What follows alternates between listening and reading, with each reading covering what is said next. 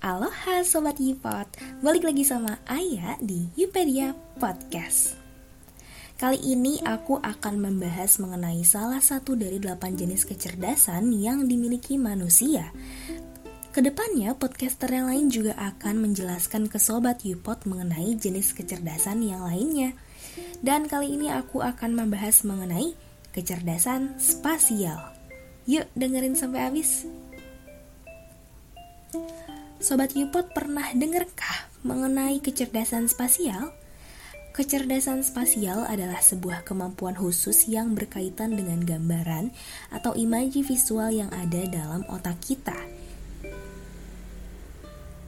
Dapat diartikan pula bahwa berpikir spasial yang dimiliki manusia dapat memberikan kontribusi pada kemampuan matematika.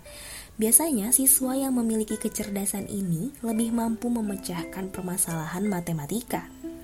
Kalau kata Van de Waal, lalu Karp and By, Spatial sense can be defined as an intuition about shapes and the relationships among shapes. Jadi ini bisa diartikan bahwa orang yang memiliki kecerdasan ini mempunyai kemampuan dalam mengenali bentuk, hubungan keruangan antar objek, dan persepsi bentuk dimensi. Jadi, kalau kamu tipikal orang yang suka dengan logika gambar, lalu bagaimana kamu sering membayangkan dan mempresentasikan idemu secara visual, dapat dikatakan kamu memiliki kecerdasan spasial. Indikator umum ketika kamu memiliki kecerdasan ini adalah yang pertama, kemampuan menggambar di atas rata-rata. Nah, ini ciri yang paling menonjol dalam kecerdasan spasial. Apalagi ketika kamu mampu menggambar dalam bentuk tiga dimensi dengan detail garis dan warna yang sangat baik. Jadi sense of drawingnya ada banget deh. Yang kedua, mampu mengingat dan menghafal jalan. Pernah denger kan kalau perempuan make GPS nggak nyasar itu idaman deh? Eits, eits. Menghafal jalan bukan berarti dapat menghafal GPS loh ya. As a person yang gak bisa baca GPS atau Google Maps, jangan sepelekan kemampuan kita menghafal jalan walau sekedar namanya.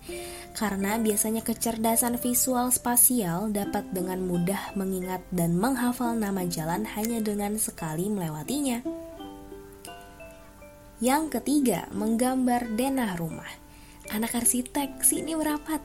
Keseringan dengar keluh kesah beberapa teman arsitekku yang tugasnya berat-berat dan gak berhenti.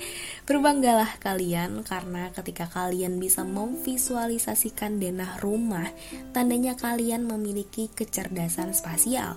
Apalagi ketika dapat menjelaskan dan menggambar posisi ruangan yang ada di dalam rumah itu sendiri. Keren sih. Yang keempat, mudah merangkai puzzle. Most of people mungkin banyak ya yang gemar main puzzle, tapi pasti nggak banyak yang bisa ngerjain secara cepat dan tepat.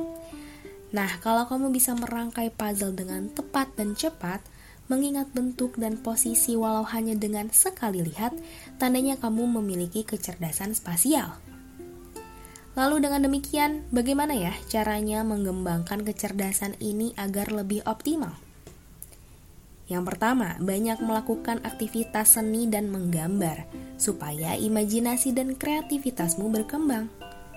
Yang kedua, membuat kerajinan tangan, seperti handicraft, bermain play-doh, apa pun itu deh pokoknya yang mengasah motorik halus, dapat membantumu mengoptimalkan kecerdasan spasialmu. Yang ketiga, mengenal geometri dasar, seperti bermain puzzle yang aku mention sebelumnya contohnya.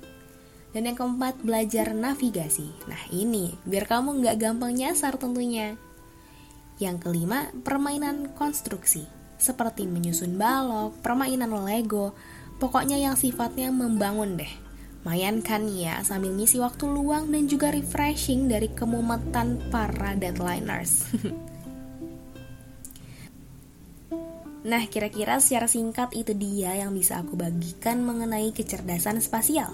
Kepoin episode berikutnya mengenai jenis kecerdasan manusia yang lainnya. Semoga bermanfaat. See you next time. Bye bye.